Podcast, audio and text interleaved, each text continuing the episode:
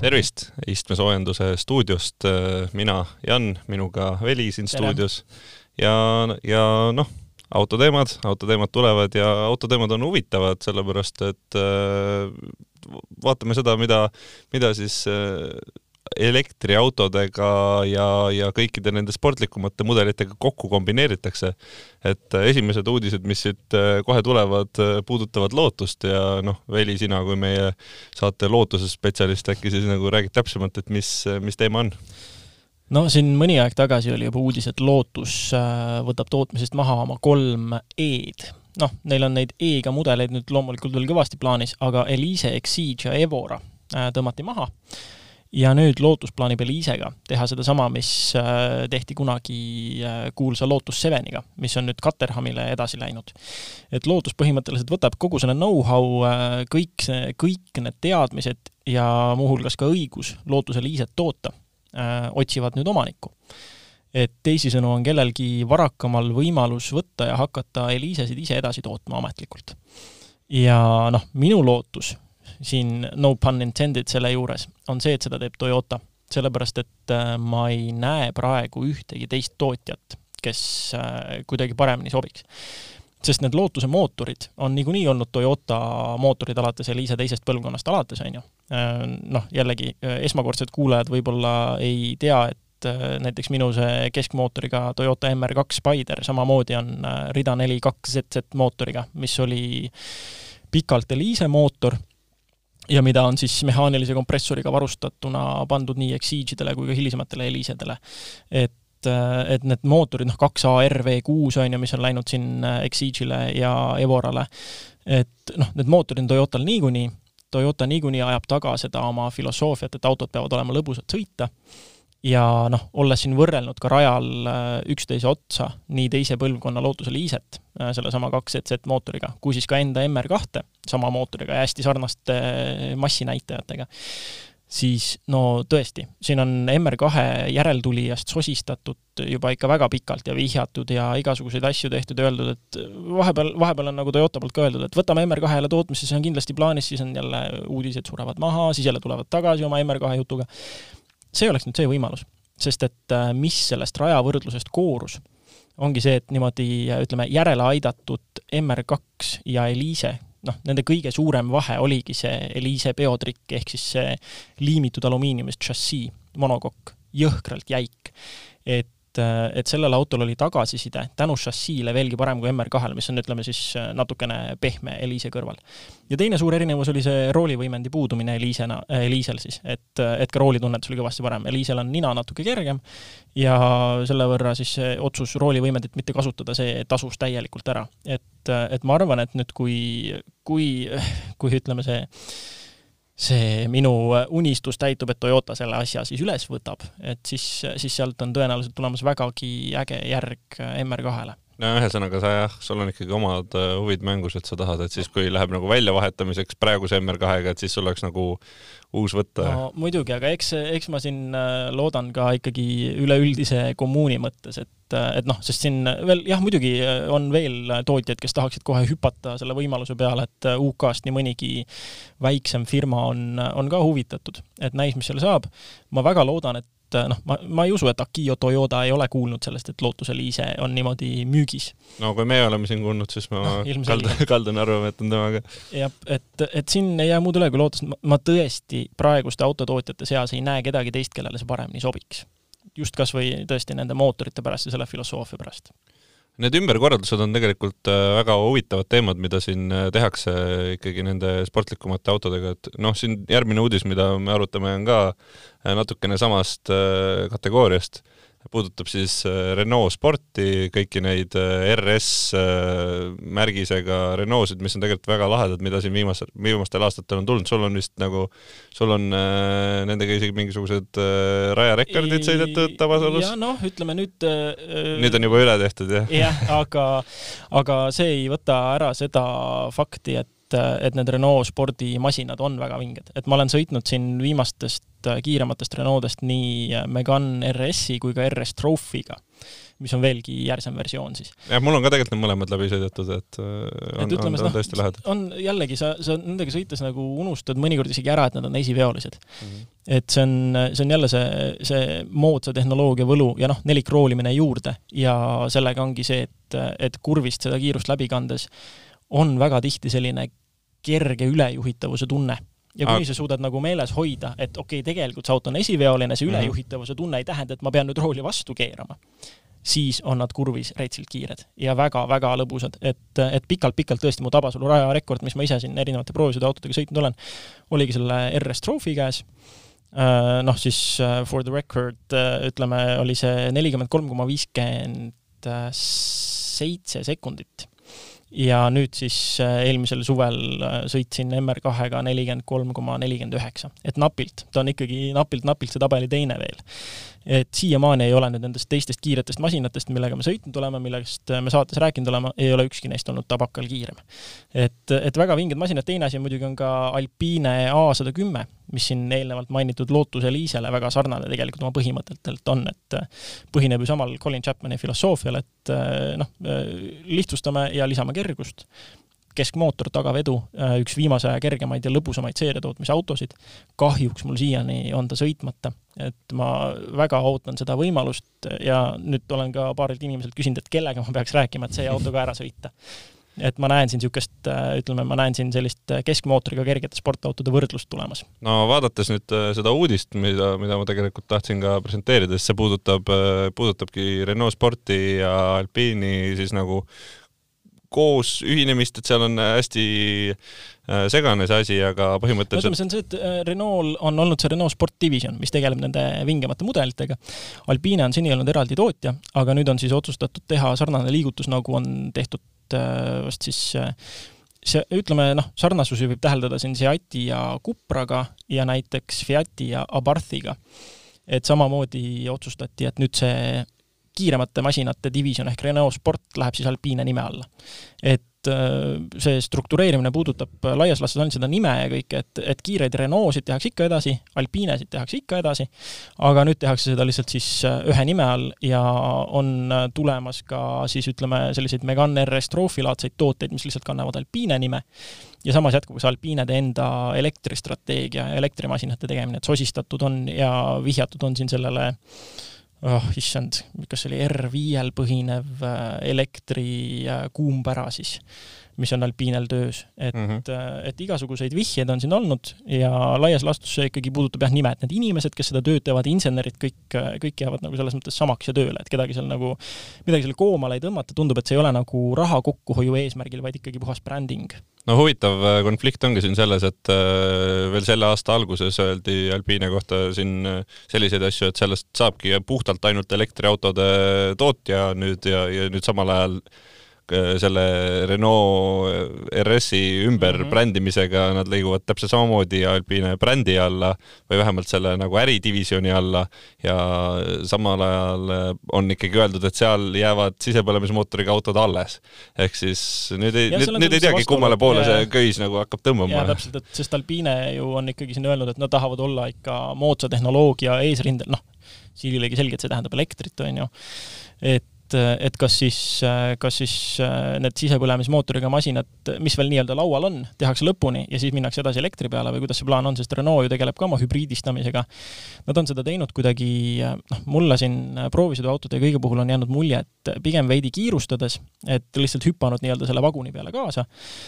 aga samas ei ole nagu midagi hullu neile ette ka, ette kirjutada või mingit, mingisuguseid suuri nagu äh, etteheiteid ei ole olnud, ütleme. et nad teevad seda oma hübriidasja stabiilselt, sujuvalt, märkamatult, kui sa selle autoga sõidad, et see ei ole selline ütleme,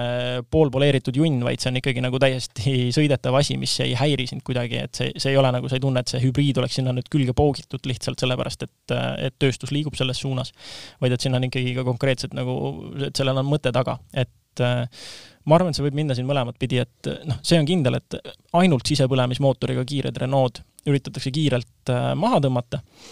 Ja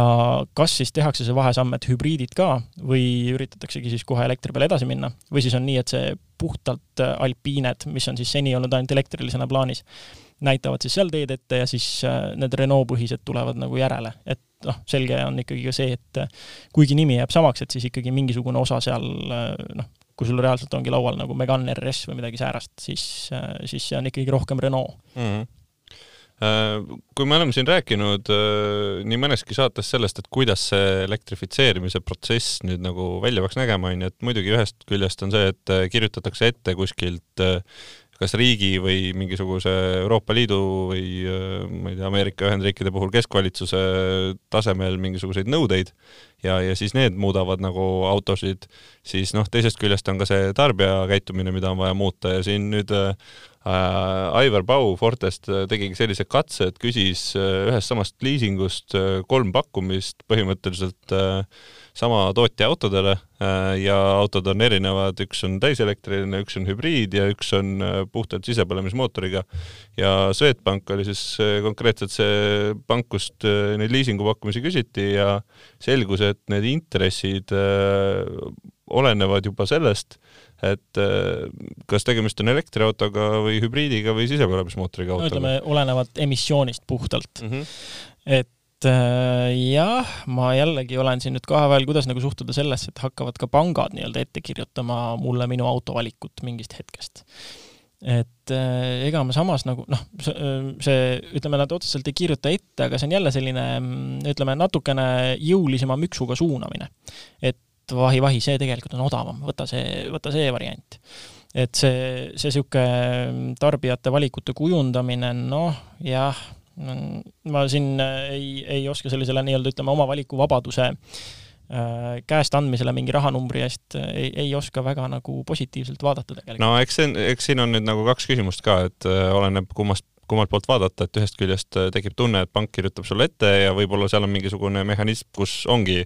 Äh, kõrgel tasemel kokku lepitud, et näed, teeme nüüd nagu elektriautodele paremad äh, need, et kuidagi tarbijakäitumist suunata ja teeme nagu sisepõlemismootoriga autodele teised need. aga äh, ma juhiks tähelepanu, et see on ka tegelikult nagu väga selgelt seotud ju riskikalkulatsiooniga. et kui me mõtleme nüüd sellise asja peale, et kas sa kümne aasta pärast oled võimeline selle sisepõlemismootoriga auto maha müüma turul sama hinna eest, mis praegu on, et kui, kui sa võtadki nüüd panga keskmine liising on tõenäoliselt viis aastat, Äh, viie aasta pärast, kui me vaatame seda, kuidas elektrifitseerimine käib, siis noh,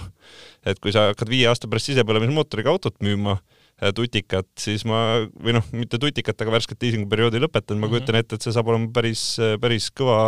peavalu, arvestades ja... seda, kuhu elektriautod selleks ajaks on jõudnud. ja samas äh, mõtleme, kuhu on selleks ajaks täpselt jõudnud elektriautod, kui praegu tutikad ja viie aasta pärast siis liisinguperioodi lõpus olevad elektriautod on vananenud, iganenud ja mis kõik muud asjad veel, on ju. et äh,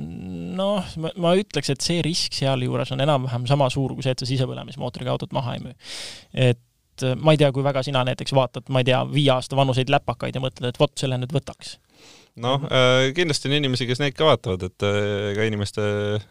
tarbimisharjumused on ka erinevad, et see, kuidas autosid ostetakse, just nädalavahetusel sain pikemalt diskuteerida sel teemal, et mõne inimese jaoks on minimaalselt ostetaksegi nagu aastavanune auto, mõne inimese mm -hmm. jaoks on täiesti okei okay osta kümne aasta vanust autot, aga, aga noh, panga jaoks on see kindlasti ainult mingisuguste arvutuste tulemus, et kuidas neid intresse jagatakse, et äh, ilmselt äh, on ikkagi see põhieesmärk hoida oma riskid madalal, vähemalt ma nagu kujutan seda sellisena ette, võib-olla mingisugused ka ka keskpankade tasemel äh, mingid võimalused nagu välja pumbata odavamat raha nende jaoks, kes siis elektriautosid äh, liisivad, on ju, aga noh, see on, see on siin kõik nagu spekuleerimise ja, tasand, on ju. noh, lõppkokkuvõttes ikkagi jah, see, eks, eks see on jälle üks asi, mis sellel kaalukausil, mis tarbija valikut kujundab, praeguse seisuga on äh, küsitled küsitluse tulemustena selgunud, et, et inimesed valivad elektrikaid Äh, näiteks nelikümmend neli protsenti valivad autot odavama hinna järgi, parema finantseerimis, äh, paremate finantseerimistingimuste järgi nelikümmend protsenti.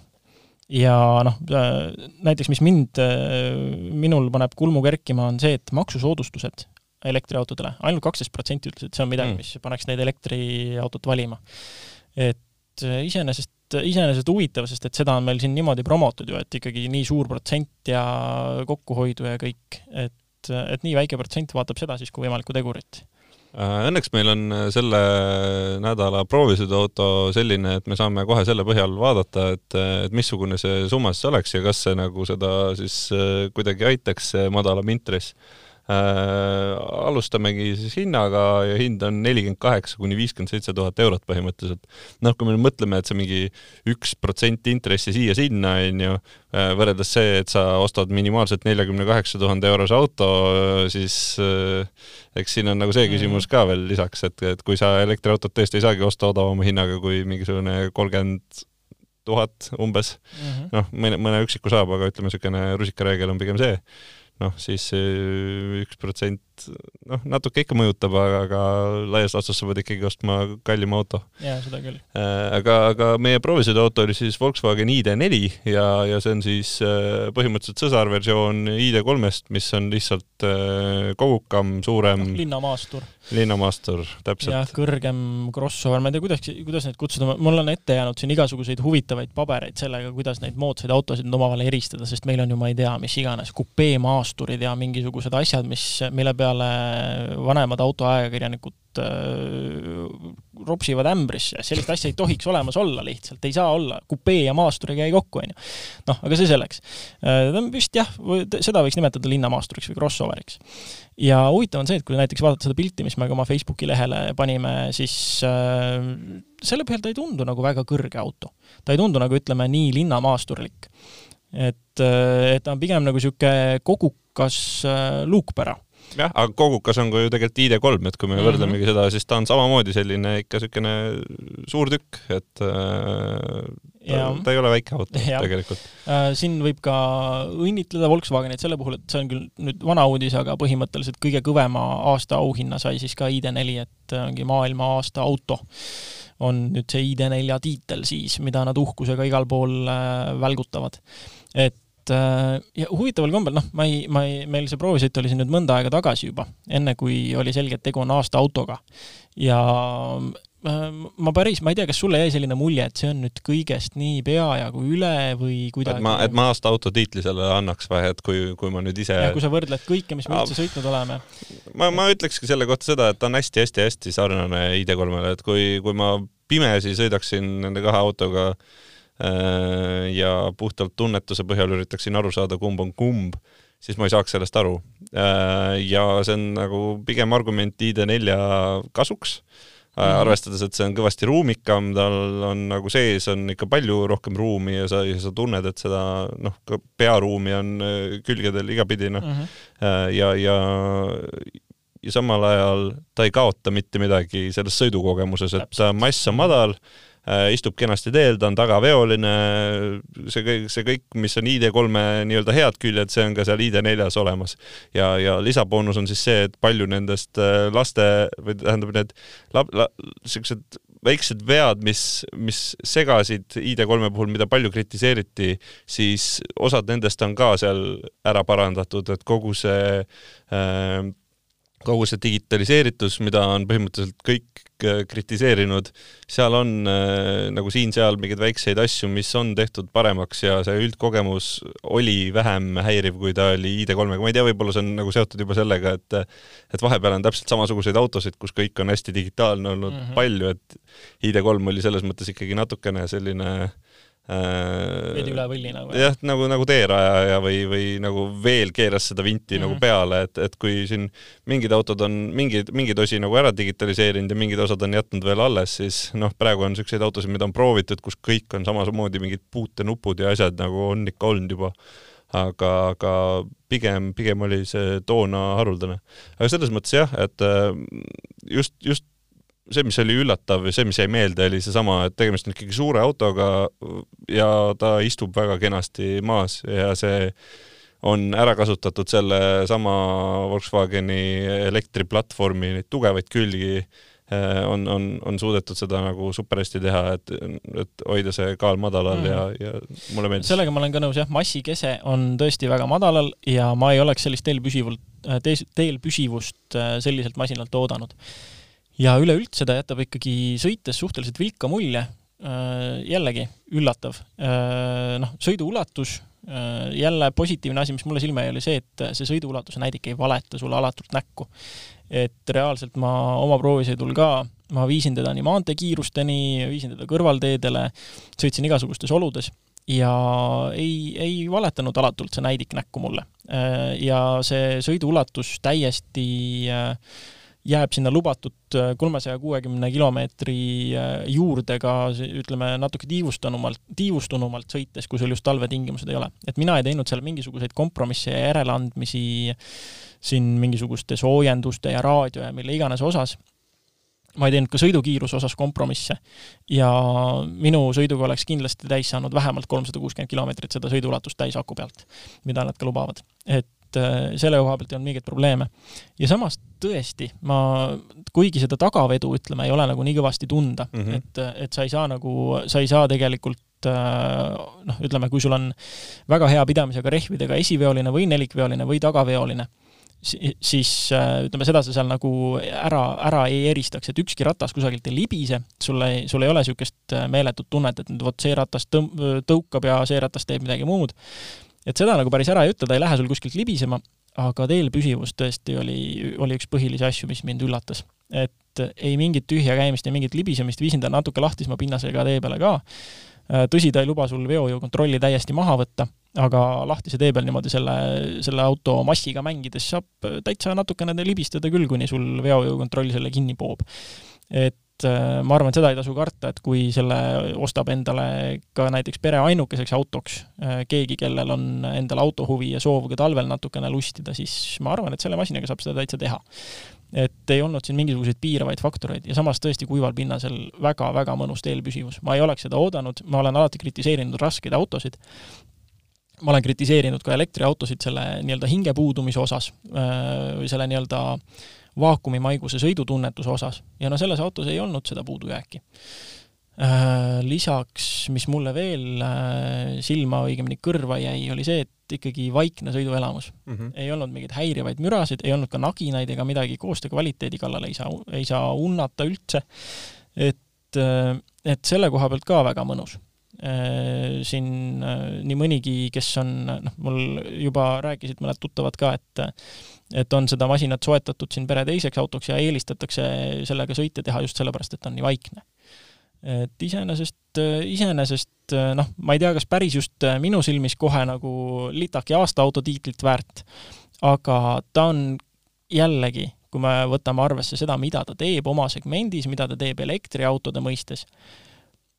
siis no kurat, ta teeb seda hästi et see osa on see, mille põhjal ma tõesti tõstaks ta praegu elektriautode seas äh, selgelt esile ja kõrgemale kohale teiste seas. Et kui Taycan tegi seda, et ta tõi, äh, ütleme, selle elektriauto, elektrilise sportauto iseloomu välja ja hakkas seda looma ja kujundama,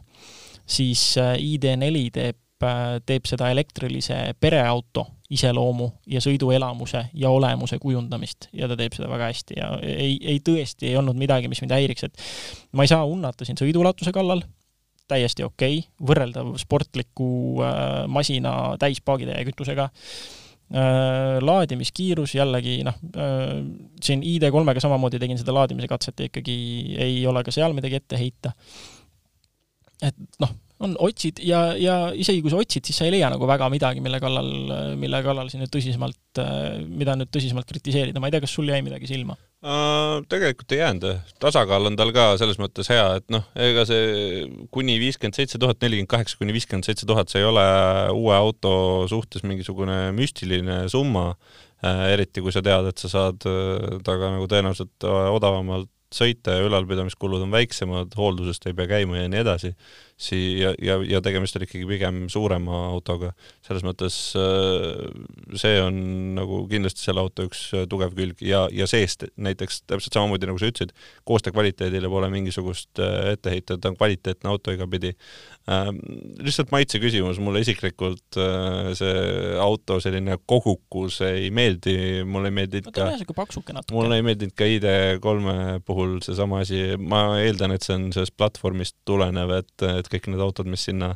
tehakse, nii et nad on niisugused, jah, paksuke on nagu hea kirjeldav sõna selle kohta. ja üks asi, mis mul, okei okay,, välimusest võib-olla silma jäi, need väljad see on, ma, ma olen kindel, et nendega on tehtud igasuguseid toredaid tuuletunneli teste ja nad aitavad jälle kaasa siin äh,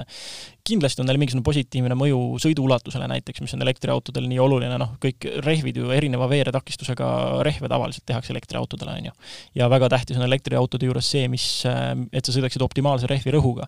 et ma olen kindel, et need väljad aitavad sellele kaasa, aga no see välimus ei, no ei ole minu tassiketeed või, või äh, minu, äh, mis seesamunegi võiks olla, äh, tass viskit. et Äh, purk, vabandust, tsiteerides klassikuid, purk viskit, siis, äh, siis need, need väljad on võib-olla see, mis ma tooks negatiivsest küljest välja, aga see on õnneks lihtsasti parandatav. ja, ja noh, need on, need on kõik maitse küsimused, et objektiivse Täpselt. poole pealt pole mitte midagi tegelikult ette heita, et selles mõttes, kel vähegi elektriauto huvi on, siis äh, nii ID4 kui ka ID3 on, on täiesti kindlad pretendendid sellele, et õige valik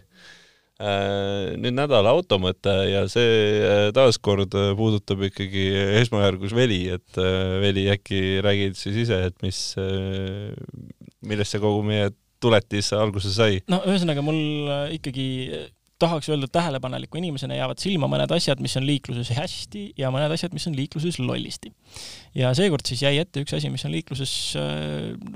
noh, ütleme, tal on kindlasti mingid omad põhjused, aga minu jaoks see tundub ebamõistlik. et äh, kui me mõtleme nüüd äh, vana head äh, ülekäigurada versus ülekäigukoht, siis selle kohta me oleme isegi ühe teinud koostöös maantee, siis eel, eelneva Maanteeameti, nüüd siis Transpordiametiga videode seeria, kus oligi eraldi noh, eraldi leitav on ülekäigukoht versus ülekäigurada video, mis toob siis välja erinevused. üks asi nüüd, kui ma seda videot hiljuti üle vaatasin, mis sealt välja ei kooru, on see, millest ma rääkida tahan. esiteks, ülekäigu kohal muidu on see lugu, et kui ta on sul kusagil, ütleme, sirgel teel, siis ega tal ei ole muud kui see, et noh, jalakäijal ja jalgratturil seal eesõigust ei ole. see on lihtsalt koht, kus ta võib-olla tee minna, kui autojuht teed annab. et äh, ülekäigurajal seevastu on, on ju teised kohustused äh, ja,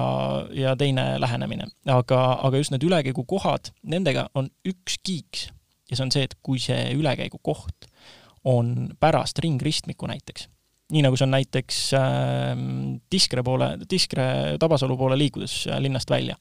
siis seal on äh, kohe pärast esimest ringteed on ülekäigukoht. või näiteks äh, laagrikeskusest tulles siis äh, mis poole see nüüd on siis, no ühesõnaga, üritades sealt Paldiski maantee poole minna, siis seal on ka ringtee pärast, mida kohe on ülekäigukoht ja olen ise sattunud situatsioonidesse, kus ringtee ongi sellepärast kinni, kolm-neli autot lihtsalt seisavad ringteel, et inimesed lähevad üle selle ülekäigukoha. ja minu loogika on noh, see, see on nii loogikavastane, et jalakäijal, jalgratturil on seal ülekäigukohal eesõigus. sest et äh, noh, ringteelt tulles justkui lõpetad pööret, on ju. pööret lõpetades on siin siis jalakäijatel, jalgratturitel eesõigus. et ma mäletan isegi, ma olen äh, mingis situatsioonis mingile lastekarjale hüüdnud auto aknast, et see ei ole ülekäigurada, sest et nad hoidsid seda, noh, neil oli reaalselt mingi kari, mingisugune kakskümmend last, kes läksid seal üle loivates ja aeglaselt. nii et ringtee oligi lukus ja kinni igast suunast.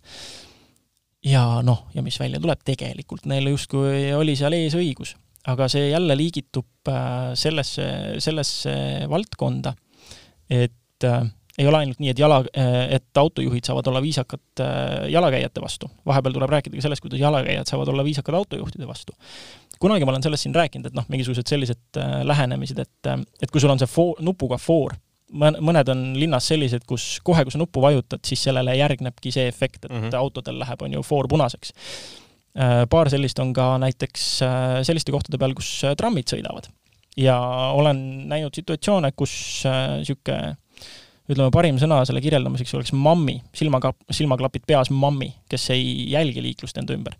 tema teabki ainult seda, et seal on nupp, ta vajutab seda, ta saab üle tee ja ma olen näinud, kuidas tramm on pidanud tegema äkkpidurduse sellepärast, et tal lasti täpselt äh, nina ees äh, foor keelavaks. et mammi silmaklappidega saaks üle tee minna. et, äh, et see on üks nendest viisakuse asjadest, mida mõnikord võiks märgata, et, et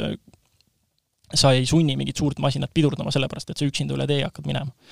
tavaliselt, kui ma olen jalakäija rollis, siis ma isegi jälgin, et kui kusagil lähikonnas on mingi auto, äh, siis ma lasen selle auto üle, enne kui ma seda nuppu litsun. Mm. aga noh, mõte selles siis, et kui sa oled seal ülekäigu kohal, mis on pärast ringteed, ja sa näed, et ikkagi on liiklust, eriti kui see on mingisuguse hommikuse või õhtuse tipptunni ajal,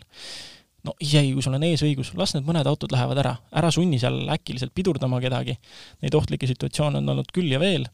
et äh, lõppkokkuvõttes jälle selline viisakuse koht, et sul on eesõigus, siis mõtle natukene teistega ka kaasa et ära aja ainult seda oma õigust taga. et neid kohti on nii palju, kus seda teha. Äh, jälle kord toon äh, välja natuke teise valdkonna koha, kui me mõtleme Viru keskuse ristmikule, siis seal on ju, ma ei tea nüüd, kui pikalt on kasutusel see välismaa keeli nii-öelda scramble valgusfoor, kus, või see scramble foori loogika, kus korraks on kõigis sõidusuundades autodel punane ja jalakäijatel kõigis suundades roheline ja nad saavad risti-rästi diagonaalis igatepidi üle minna. Et seal kohapeal on jälle see, et kui sa tuled sealt äh, Coca-Cola Plaza eest autoga näiteks ja tahad parempööret teha sinna Viru ringi poole, siis äh, sinna ette jääb üks äh, reguleerimata ülekäigurada. Ja seal on üks väike saarekene vahel, vasakut kätt siis, ja ülitihti on nii, et, et noh, sealt tulles juba niigi on autoga ilge jama liikuma saada, et leida vaba kohta, kui on mingisugune liiklustihedam hetk ja mitmeid kordi ma olen pidanud ootama, sellepärast et jalakäijad, mingisugune viis, kuus, seitse tükki üritavad sinna tillukesele saarekesele pressida. Äh, jälle see on see asi, et kui ma ise nagu jalgsi olen, siis ma tavaliselt viipan auto läbi, sest mul ei ole vaja sinna saarele pressida. sellel autol on äh, kaheminutise tsükli sees võib-olla kümnesekundine aken, kus ta saab seal keerata ja oma manöövri teha. las ta siis läheb. jälle, aga noh, see on jällegi võib-olla natuke liiga palju küsitud äh, ütleme neilt jalakäijatelt, kes muu liik-, liikumisviisiga ei, kuidagi seotud ei ole. et võib-olla ma üldistan, aga mul on mulje jäänud, et, et need inimesed, kui ma näiteks ise autorollis olen ja mõtlen, et oh, see oli väga viisakas liigutus, mis see jalakäija praegu tegi, ma olen enam kui kindel, et need inimesed on ise, ise ka autojuhid tegelikult, et nad suudavad niimoodi üldse mõelda. paraku me jah, kõigilt nagu silmaklappidega mammidelt seda käitumist oodata ei saa ja noh, vaevalt, et ka need silmaklappidega mammid seda meie saadet siin kuulavad, on ju. aga, aga jälle on see üleskutse võib-olla liiklusviisakusele, et õpime lugema neid situatsioone enda ümber, alati ei ole meil ainult kohustused, mõnikord või alati ei ole meil ainult oma eesõigused, alati ei ole meil ainult oma kohustused, mõnikord on ka viisakus. ja see viisakus on võib-olla see kolmas nagu mõttemall, mille võiks oma liiklemises ikkagi juurde võtta. ja ma ütleks, et kogu lool on ka ikkagi üks äh, täiesti eraldi äh, äh, õppetund ja see õppetund on see, et nii mõnelgi juhul võib ringristmikult välja pöörates olla jalakäijal eesõigus et, et ka seda jah, et see on, see on jah, täpselt, et ringristmikult välja sõites siis tasub hoida silmad lahti, et kui seal on ülekäigukoht, siis, äh, siis olla selleks valmis, et keegi ikkagi ei pane tähele, et liiklus käib täie hooga ja hüppab ette. vot, äh, ohutuid äh, ringristmike läbimisi siis teile selleks nädalaks ja järgmisel nädalal kuulame juba jälle, aitäh kuulamast!